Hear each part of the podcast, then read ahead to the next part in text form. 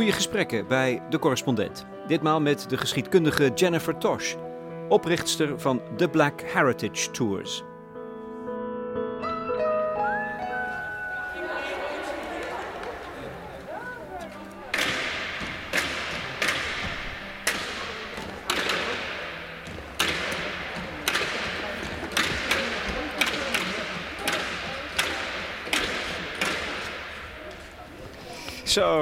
Jennifer, hallo. Hallo. Ik val met mijn neus in de boter. Ja, Hier. we zijn hier at de, de Scheepvaartmuseum. Op de binnenplaats van het Scheepvaartmuseum, overkoepeld met een grote zon van glas, wordt gerepeteerd voor een productie van Sides of Memory. Het maakt onderdeel uit van haar rondleiding door Amsterdam, Black Heritage Tours. Yeah, so the It's a theme, dance. It's a dance. The theme this year is called A Future for the Past. So we're exploring how do we want to reimagine what is the future going to be for history. Are we how do we reframe history? In this case, we're looking at the relationship between uh, Cape Town and the Netherlands, which of course is a very uh, deep history there. And uh, they're interpreting. My character is. You can see that this person here has a huge costume on. That's going to be me, Wauw. dressed in these these flags. So Dus, be gaat een, in die voorstelling Ja. eh, over de toekomst van het verleden een kostuum dragen dat bestaat uit meterslange, nou misschien wel 10 meter lange slepen in geel en zwart. And there'll be colors of the Netherlands flag, the VOC flag, Cape Town flag. So all the flags are going to be draped over me. And we're going to be peeling away the layers of history using spoken word, poetry, music, dancers, and the narrative, of course, of history. To come as close as possible. Yeah, well, we, what we want to do is to invoke new memories. You know, we have always think of uh, history usually from one perspective, and especially when it comes to Cape Town, we usually frame that as not really a colony, but more like a watering station for the VOC, and and uh, we're looking at history before history, before the colonization, before the arrival of Europeans. What was Cape Town like? What was the relationship to the Netherlands when Jan van Riebeeck first arrived? We're introducing new people to the story that most people don't know about, like Krotoa, who was an interpreter, a San woman, who was given to Jan Riebeeck to, help him in, uh, speak to the Khoi and the San people. So it's very much in re- reliving and retrieving histories that have been unknown or forgotten. Dus, eh, een soort van eh, het herscheppen van de geschiedenis. Al, althans, de geschiedenis zoals we die kennen, die een dominant beeld produceert. Precies, precies. And that's what we're really trying to uh, reimagine history, and especially now with all the the new uh, things that we're learning, new knowledge that is being produced, and also this heightened attention on um, cultural heritage and memory. That's my focus is about historical memory and um, how does that affect our idea of who we are. Kijk, er komt groen bij, en rood en blauw. Het is heel de Afrikaanse kleurrijk. vlug, Ja. de Nederlandse vlug, de Curaçao vlug, de South Africa vlug. I mean, all of them. And, and there are going to be designs on, on all the flags. So it will be a bit of, uh, yeah, a mashup of flags and instruments. Kleurrijk, hè? Ja, Het het is is heel vrolijk. mooi. Het is vrolijk, maar het is eh, heel belangrijk. Dat En we- ook pijnlijk trouwens. En heel pijnlijk, eh, eh, tuurlijk. Maar het is ook zo belangrijk dat we eh, intersectional, Ja. toch? Zoals gender, it's ras, it's, you know, eh, seksualiteit, it's geschiedenis, it's erfgoed, it's alles. So this is, oh, you, I wish people could see this because it's quite beautiful. and the dancers. ritual, it's a Yes. ritual. Very good you saw that because I am going to be the embodiment of a spirit from the past that the audience, I don't want to give away too much because we want people to come, have called the spirit to come and to help us reimagine the geschiedenis and erfgoed to bring us back together for healing. Yeah, so it, Yeah. you saw that by looking at the image, yeah, then we're on the right path. Ja, goed. Let's go outside. We, we geven ze ruimte om even de rustig Ja. te repeteren. Is goed? Super. Ja.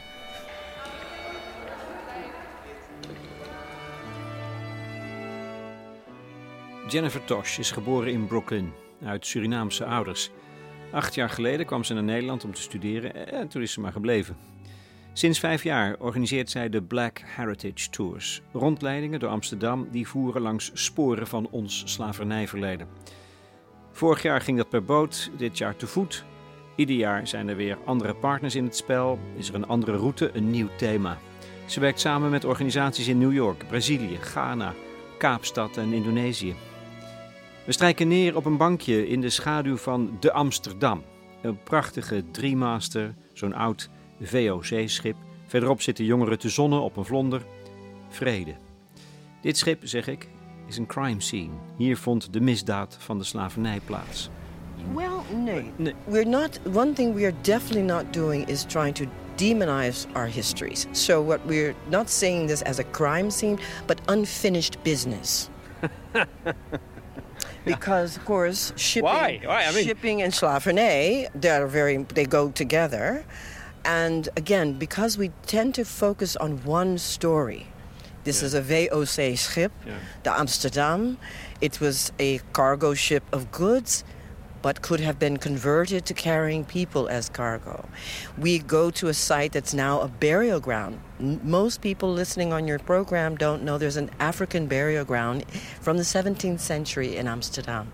And who were, who were buried there? People that, that lived here in Amsterdam, that came from places like Angola, uh, Ghana, Cape Town, Madagascar, South. As enslaved people brought here. Some may have been brought here with early. Uh, the earliest people brought here as enslaved were from with the Portuguese Jews. They came. They came with their servants, but some were free. Some came as uh, craftsmen, as merchants, as yeah, so there was a mixture of people that were free and some that were not free, even though the Netherlands was considered a free soil. Most people grow up in the Netherlands saying we didn't have slavery. Up until, yeah, the last 10, 15 years, that history has changed because now we know more. And that there were people living here as enslaved. Maar toch, hè, als je zegt van ja, we willen niet beschuldigen. En dit is geen, niet de plaats waar een misdaad heeft plaatsgevonden, deze prachtige boot. Het was het wel. Het was het wel. Het was, En uh... waarom, dus waarom, waarom ben je dan zo voorzichtig? Nou ja, voorzichtig, je hebt, dat is een strategie, denk ik. Dat is natuurlijk heel bewust. Ja, yeah. because what, when you're talking about uh, national identity, when you're talking about people's history, and they've had it fixed in their mind that it went a certain way as you're trying to change people's minds about history, you, it's like serving a meal. You don't want to serve it too hot, then no one's going to eat it. It'll burn you. If you serve it too cold, no one can taste it. So it's trying to find the balance where we're showing another side of the story. It's a careful process because we're talking about centuries of people's heritage my heritage, your heritage. But what we're also trying to show is we're more connected in our histories than we are apart. And to me, that is a dance in and of itself. It's a two step dance. I don't want you to step on my toes, and although I want you to follow my lead. Yeah, you want to invite. Exactly. We want to invite, we want to invoke people's thinking yeah. so that you can come to a, your own conclusion. If I just say, this was the history, and I'm stabbing you in the eye with it, you're not going to hear anything I say after that. So I'm a cultural historian, I'm an artist, um, I'm a descendant, I'm a citizen. So I want this to feel for anyone joining that they can also hear their story in it. Somehow, I, I, I would expect it to be very useful also if you re, really realize what happened? Absolutely. Inside. Absolutely. I mean to come uh, uh, on the physical level yeah. to know. Absolutely. we will cover that because you can't talk about this i mean this is not a, a comedy right? It's it's painful as a descendant to also have to relive that experience.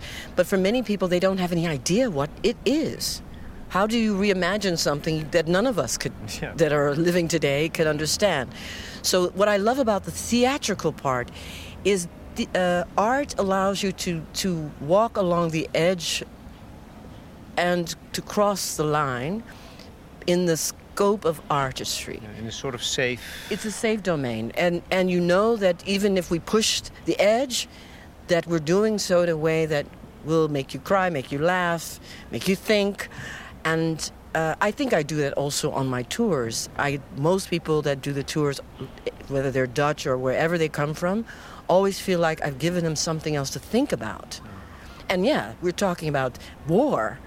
We're talking about violence. We're talking about, of course, atrocities that happened not only at sea but uh, uh, the buitenland, you know, that happened in the Netherlands. We have to confront all of that in one way or another. We've got to get there. Has there been a moment in your own life, the, the shock moment, yeah. that, that you saw suddenly? wat wij noemen de, dat de schellen je van de ogen vielen. Want jij bent in Brooklyn geboren van Surinaamse ouders. Pas, pas een aantal jaar, nou 19, 2012 naar Nederland gekomen. Dus het is ook niet voor jou evident geweest vanaf het begin af aan, denk ik. Als Amerikaanse, New Yorkse. Ja, precies. For me, the moment when I went to Suriname... that was for me a very eye-opening moment. I went to the plantation where my family was geboren and enslaved, maakte. I went there and I was able to experience being in that space. Wat zag je?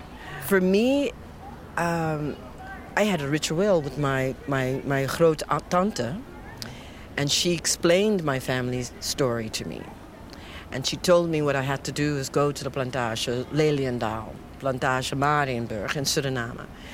And then coming here to the Netherlands, what was the most shocking when I was studying in the university here, I couldn't understand why we weren't talking about slavernijverleden of the WIC of, uh, yeah, it was only the glory of the golden age and the pride of that.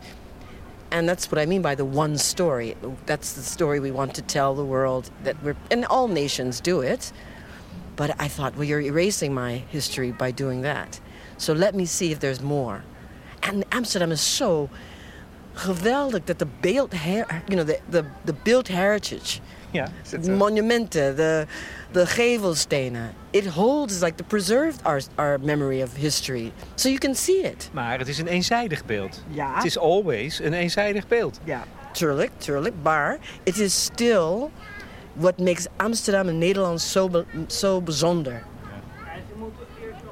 And I'm not in favor of tearing all these symbols down no. because for me this is this is what defines us as a society. We have to confront it, learn about it, and then transform it into a new story. So people are, are often like, I've lived here my whole life. How did I miss it? Hoe kan het dat je er je leven lang overheen kan zien? Voorbij, aan voorbij kan zien. Dat je het niet waarneemt, niet registreert.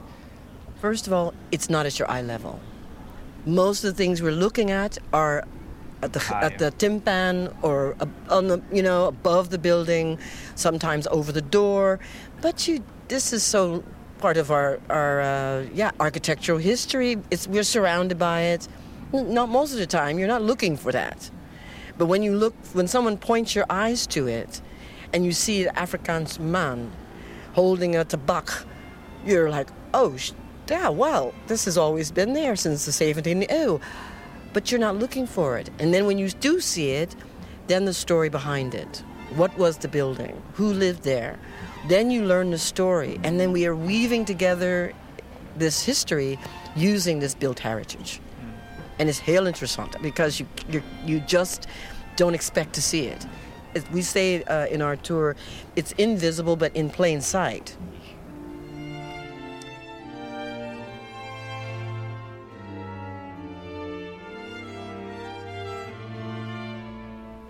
So we start, actually, let's say we're, we're at the Dam.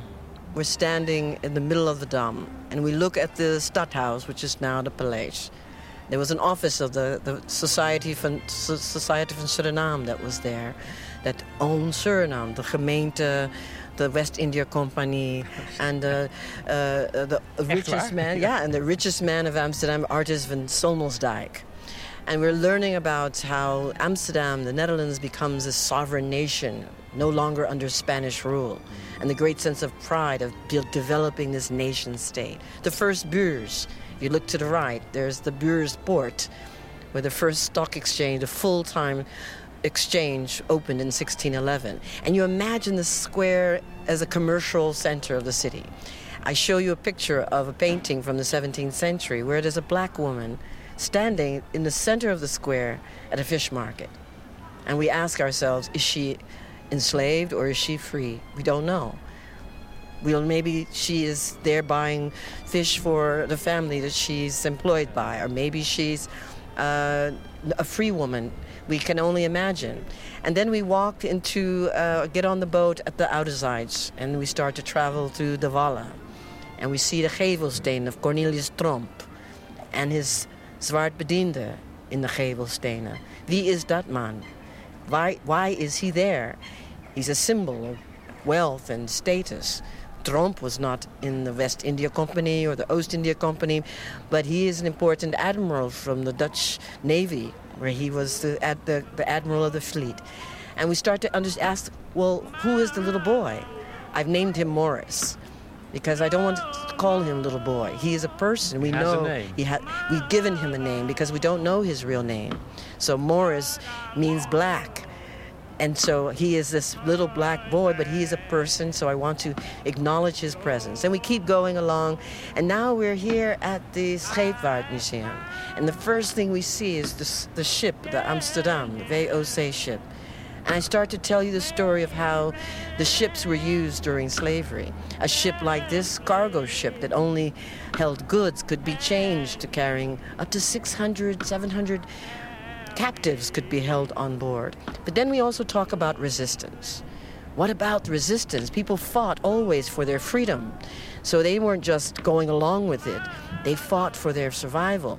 We talk about the Leusden, which was a ship that sank off the Suriname River.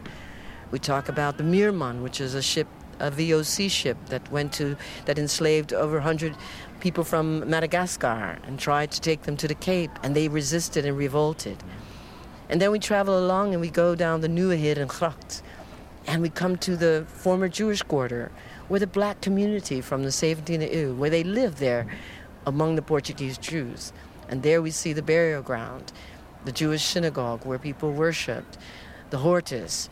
And then we keep traveling till we get back to the Dam.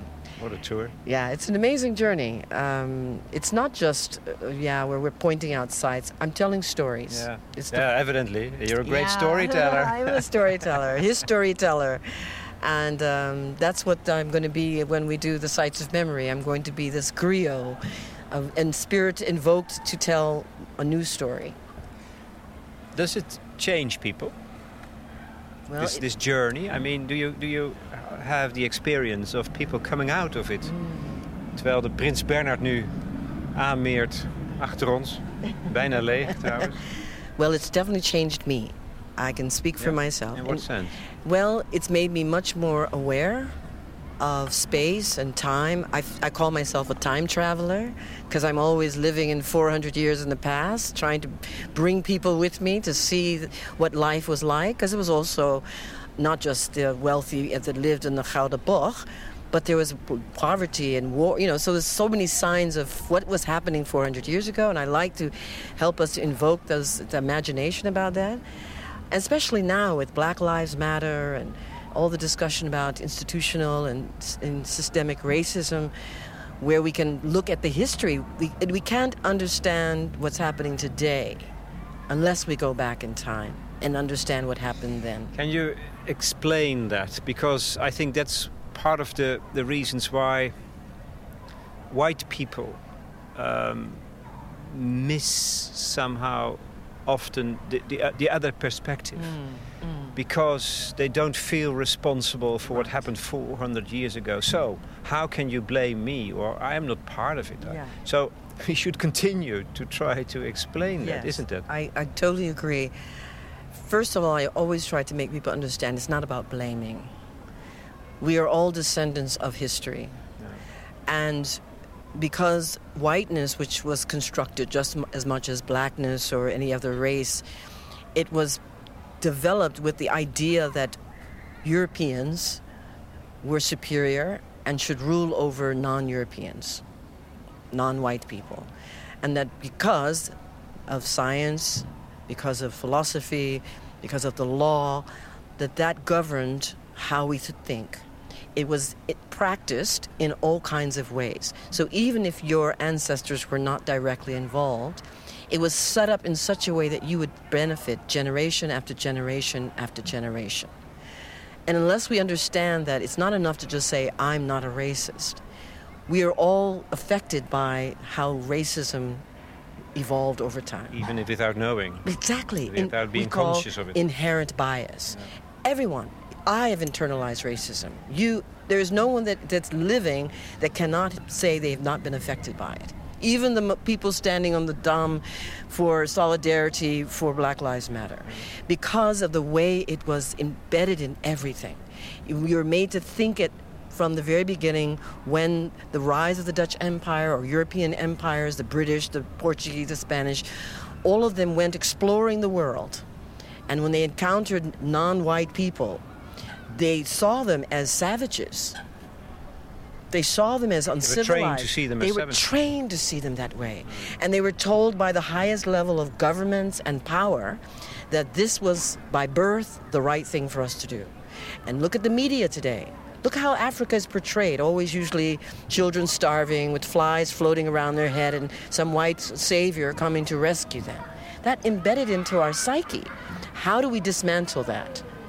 That's what we're. I think what I think my purpose is to help us to become more aware.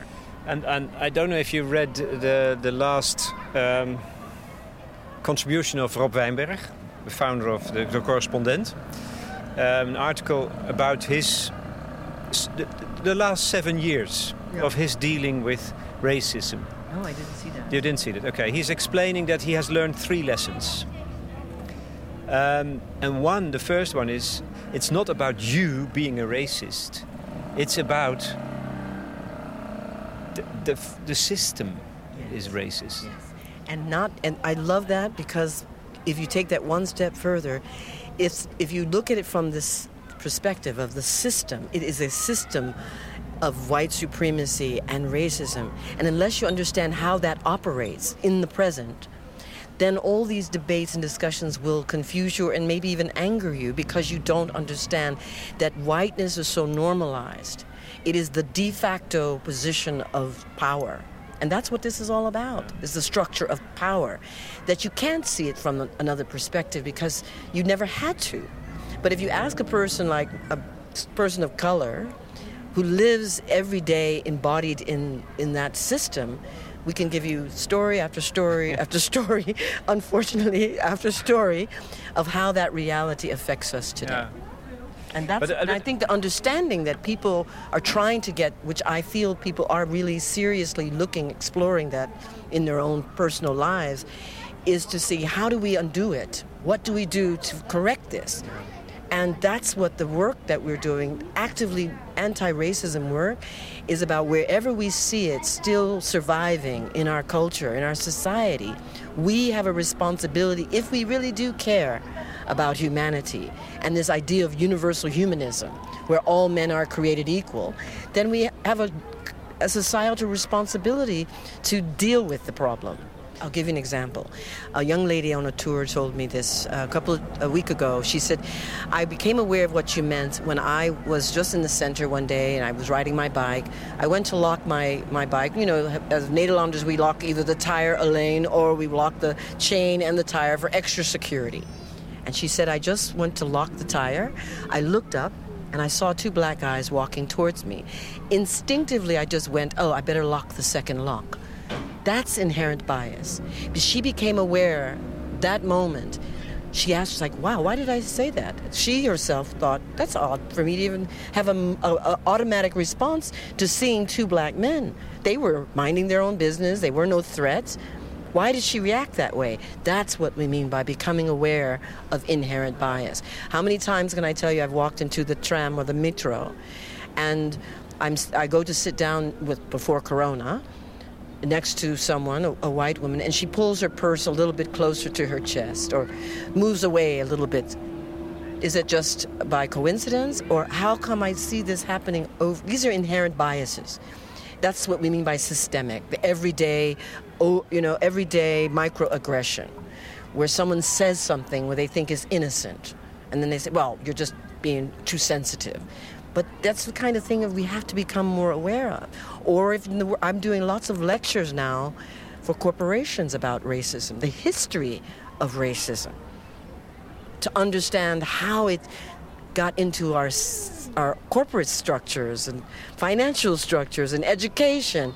It's all part of the system that was built centuries ago to ensure a dominance of one group. Power. Power, always about power and money, economic power. My no more. My Lord, Lord, I'll never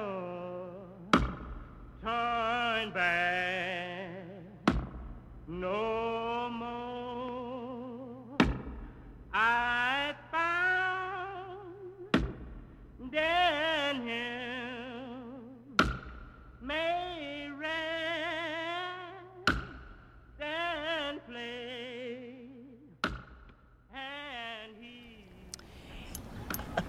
second step, which is, I think, the difficult one, mm. also for Rob, my colleague, realizing that why you don't see it, why do you don't see the system, because you are the norm. Which means you're on top of the hierarchy. You're the boss. Yeah. That's why you don't see that there is a hierarchy. Um, but but then he comes close to what you just mentioned, Jennifer. I mean, you have to realize I am in power, and if I if I want to change something, I would need to change my my positions. So give away my power. Well, I, I'm glad you said that because this is really where privilege Yes. Sh- shall I abandon my privilege? And this is, I think, where people misunderstand. People feel they have to lose something in order for there to be this idea of equality.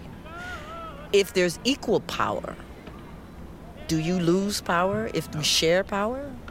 It just means that we're talking about a democracy where there is this sense of social justice, equal power, that no one is judged because of their skin color, their sexuality, because of their financial status. That that and so that scares some people because they do think that you have to then give up something. And all I say is that you just have to make space for someone else to share power. That we have an equal voice, that you hear me when I say something is wrong, that you, you don't dismiss it because, well, paternalism is you don't know, you can't know. We're the ones who can better, you know, take care of your problems. It's being able to see me as your equal. And I don't think you have to give up power to do that. You have to make space for other people with power. It makes it easier. It makes it a lot easier. if you Still, you have to realize. but you have, to, to, think about it that that is an important process, part of the process, and that this is part of the problem is that most white people don't see themselves in a position of power, and they will. Some people will say to me, "Well, I don't have any money. I'm you know only people who are rich have power," but that's not. Or I worked hard to come here. To come here, and so if everybody works hard like me, then everyone it doesn't work like that.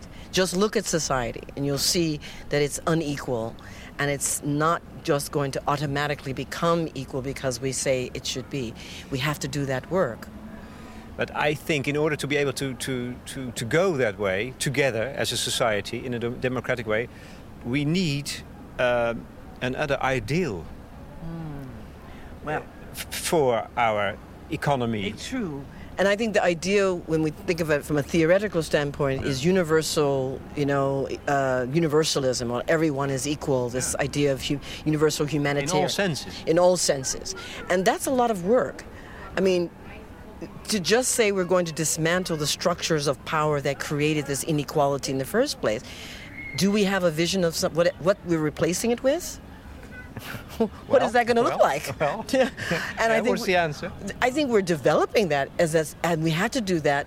First, the people who've been oppressed by the system have to be able to speak with a united voice, which is already a challenge. And that's for the process that's happening now. There's there's work being done that is really about the ask. People say, "What are you asking for?" So Black Lives Matter. What do you want? Is it not just about saying I want social justice, which is of course very important? It's not just saying, but we want to be included in the process of decisions that are made about our lives. we want there to be an end to profiling. We want the, the system that, that benefits one group over another, that to be dismantled. And it sounds like really, yeah, well, that's great, but how do you get there? What's the process to do that? We're doing it right now by becoming aware. First, you have to be aware it needs to be done. And then you have to take an active role in your own s- network because people have more power within their own communities than they do to say, we'll change the government. I love the saying in the, in the U.S. that they say, if the, if the people lead, the leaders will follow. If the people lead, then the leaders will follow. Not the other way around, that they're dictating us to what we should do. My feeling is that we are going the other way. That we, think so? we- yeah, so, somehow that's my fear for this the, the period. Why do you think so? What's, what's the evidence of that? That- I don't know if there's evidence. It's more like a, a, a feeling um, that we, we there's this tendency of, of making people individual responsible for their own fate. Uh, the glory of the leaders. The, the, the, uh, all over the world there is this this well sort of leadership that I I, ha- I dislike or hate, and it, it which is the opposite of what the we- of what you are just Yeah, it's describing. It's true.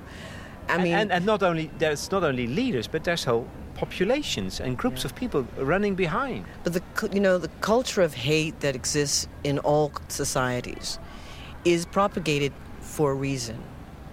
Yeah. Think about that. You develop these these these divisions among people. That's that happened 400 years ago in Africa, right? You create this sense of uh, opposition to the nation state, so they're they're competing with each other for power. And and we have the power to say no to that. If look what happened here in the Netherlands around this black. I mean, people were surprised. That over 75,000 people around this country rallying around solidarity against racism. I mean, who would have thought that five years ago? That's the that's the other. That's the other Movement. Yes, that we do have power, and look what it's created thus far. We're all talking about it still. We're still looking at trying to figure out what what, what do we miss? How do we fix it? And do you need conflict? Do you need aggression to break things? Ja, I- oké, je, je, je schudt met je hoofd. Yeah, yeah. Well, that's what we had. We had this breaking moment that, that ignited this movement, or reignited the movement that was already afoot. You had the death of one person in the United States. Who thought that would ripple around the world the way George it did? Floyd. Yeah, with George Floyd. But you also have people who resist in other ways. I think power concedes nothing without there being a demand. You have to have a tipping point. And why this tipping point, I think, was so crucial, everyone was at home quarantined. We were all just not distracted. We could we could catch that moment on social media, on TV, together and be outraged. That's what I think made this so different than 40 years of, of, of, of activism that has been that I've been aware of in the Netherlands alone. And that the Black Lives Matter movement is just a platform. So for me, it, it is required. This is a revolution. We are in the middle of it. As we sit by a ship, a, a VOC ship that is built for war. Yeah, well, it- it's still, it, it- yeah, it- there's a lot of irony. You were the first speaker on the Dam yeah. to address the, the people who ca- came for the Black Lives Matter uh, demonstration. So much talked about. What, what did it mean for you personally to stand there? Well, first of all, I have to say, give credit to the organizer. It was all planned within like one day. That shows you the power of social media. That they planted the seed and they asked me the night before, maybe, or even less than two days before. Well, Jen, would you? Because I'm obviously colleagues and friends of, of the organizers. Would you speak for be the opening speaker? And I thought, oh, sure. And like, okay, how many people? Oh, well, maybe uh, 500 or 1,000. We don't think, we're not sure, but it should be manageable.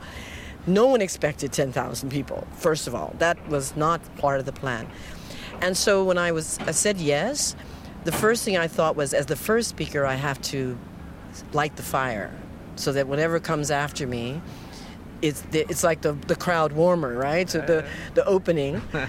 and I wanted to invoke for people this idea that we here in the Netherlands have this sense of superiority and, and privilege, that we're not like the Americans. We don't have that kind of problem, when in fact we have that exact same type of problem, not maybe at that scale. I wanted to also remind people of our own history, which is how I started with let me give you back some of our own history. And also be charismatic and, you know, on fire. And I hope that's what I did. that's what I'm told that I did. Yeah. I had prepared a, a speech. About half of it is what I presented because I also didn't want to be too long. And um, I let the spirit move me.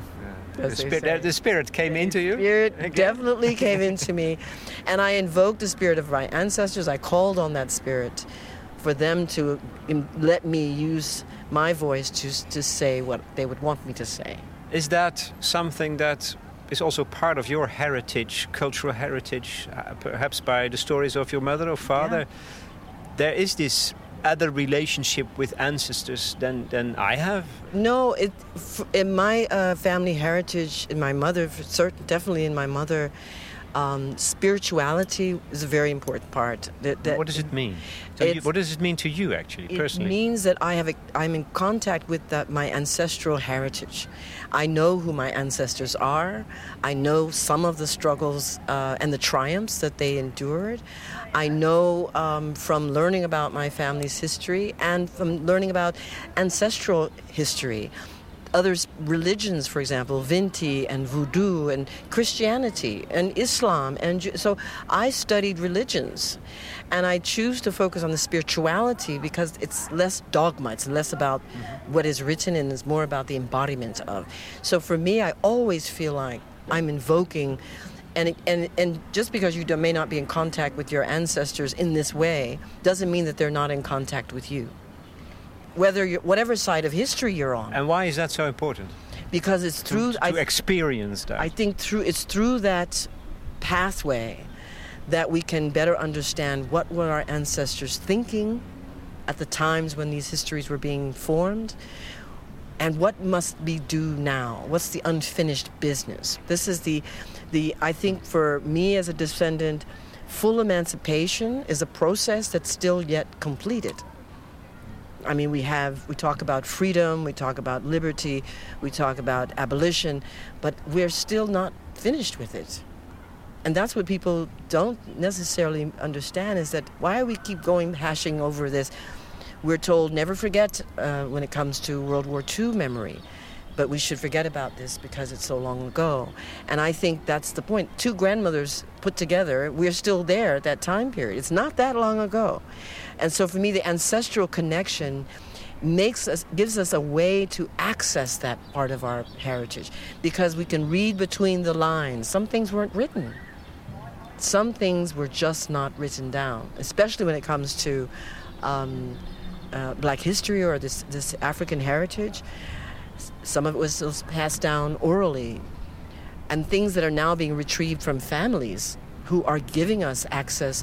For example, uh, Susanna Dumillon, who is one of the figures that I really admire because I now have an image of her. She lived to be 105.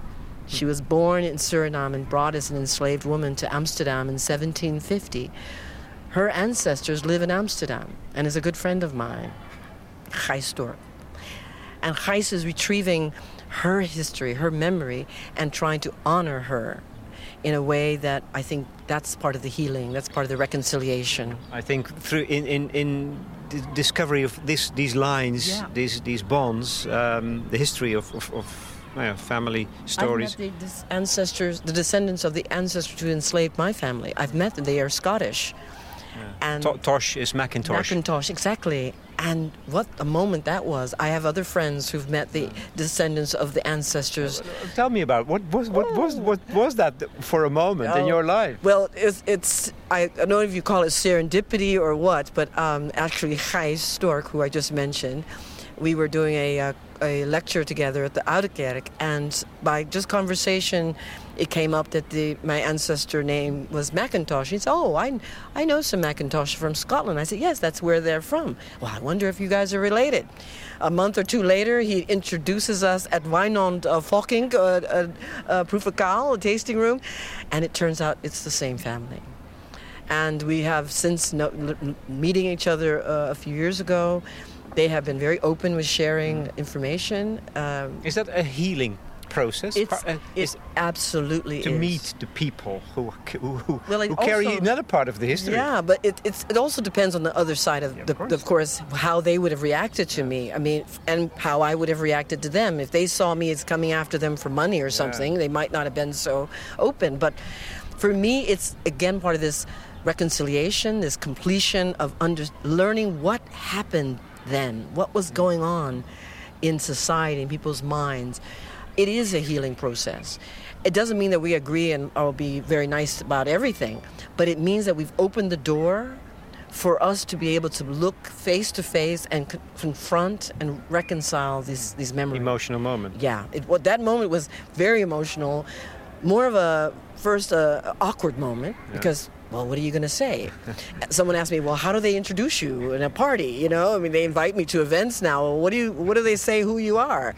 so there's there's an awkward moment, but once we get past the awkwardness and we realize that we're open and want to learn from each other, it can be very powerful. Mm. It can be very powerful. You, as you are sitting here in front of me, you seem such a powerful woman. Oh, thank you.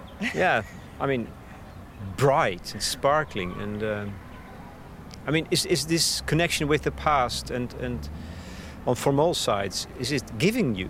Do you feel that uh, the, the, the, the, the, the spirituality that you that you just described? Is it is it f- giving you another sort of power? Oh, that's a great question, uh, Lex. I believe so. Because for me, I see I'm connected to everything the water, you know, the, the elements. The, this history is very personal to me. Even the, the chapters of that history that are very violent. The connection, The with the connection with the the, with the. Amsterdam. To be Amsterdam. in the hull of this ship when I'm giving a narrative about the hull and, and the slave holds even that when I'm confronting this very painful part of the past, I still feel like I'm being called to speak it. I still feel this this embodiment of this voices that have, that will not be silenced. The frozen images on the Gevelstenen, who've been looking down, as, hoping somebody see me. Please recognize me and tell my story. So, um, and there are times like I'm doing this research for the for the sites of memory this year. I get very angry. So it's not always I'm you know right now we're feeling really warm and fuzzy, but sometimes I'm just pissed, and I have to deal with that anger and process it, and then move on for the next thing because it's some of the the stuff, especially when you get into the archival, you know, and reading these notaries and journals of the captains and the, the horror th- horrible things that, that were happening on the ships, for example, or in the colonies. It's it is a moment that you have to become comfortable being uncomfortable, and that's on both sides. But it means that you're wired then. Yeah, I guess you could say I always was. I was wired for for for this work. Yeah, I, I have. I'm older also. We're probably closer in age than uh, most people uh, listening, perhaps. But I think I've lived a life. That's I've traveled around the world. I have, you know, I come from multiple cultural uh, backgrounds. I've learned about different peoples. So it, I think my maturity as a human being, as a woman, has has uh, prepared me for this. And I, what I've learned more than ever as I go deeper and deeper is that we're more connected than we are separated. And reconnecting these histories and reconciling the past, the painful past, the proud past, is a part of my purpose. I didn't plan to come to the Netherlands to do this. I came as a student for six months. Did you enjoy it? I loved it. Eight years later, I've written, co-written three books. I've got a tour, and I'm involved in some amazing work with amazing colleagues uh, throughout the world. So, I, uh, yeah, I, I'm, I'm pretty lucky in what I do.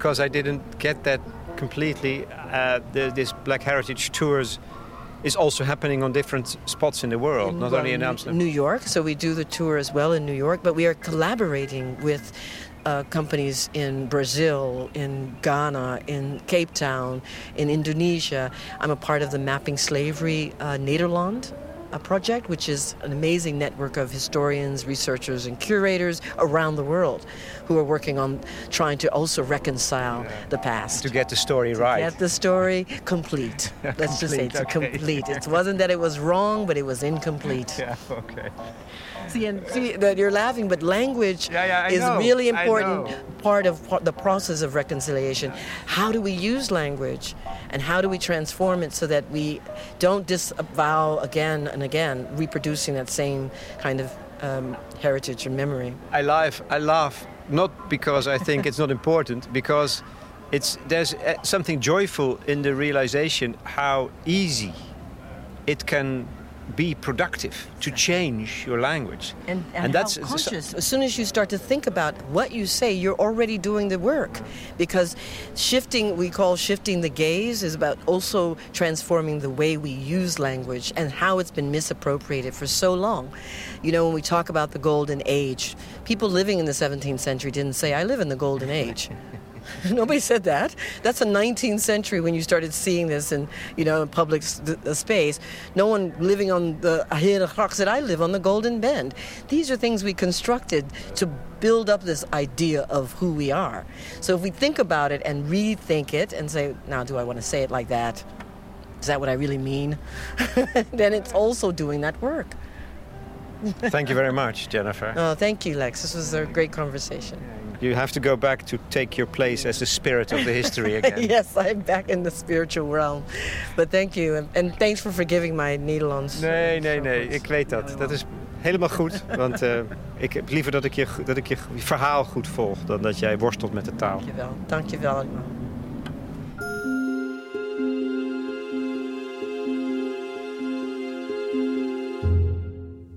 Jennifer Tosh in gesprek met Lex Bolmeijer voor de correspondent over de Black Heritage Tours, die nog te boeken zijn uiteraard via hun website. Wij kunnen erover doorpraten op het platform van de correspondent. De bijdragesectie is toegankelijk voor leden. Interessante vraag wat je kunt doen zelf om te helpen het systeem van institutioneel racisme af te breken. Gebruik daarvoor nogmaals het platform eh, toegankelijk voor leden. En dat ben je al voor zeven tientjes in het jaar. Dan krijg je journalistiek voorbij de waan van de dag. Lees ook de andere stukken van de correspondent over het onderwerp. Collega's Vera en Olu Timehin hebben een leeslijst opgesteld over racisme. Ten slotte de muziek, die was divers. Van Pieter Hellendaal om te beginnen, 18e-eeuwse Nederlandse componist, kwam ik via een prison song van zwarte gevangenen uit de onvolprezen collectie van Alan Lomax uit bij een blues van Hazel Scott. En dat is een zeldzame zwarte jazzpianist.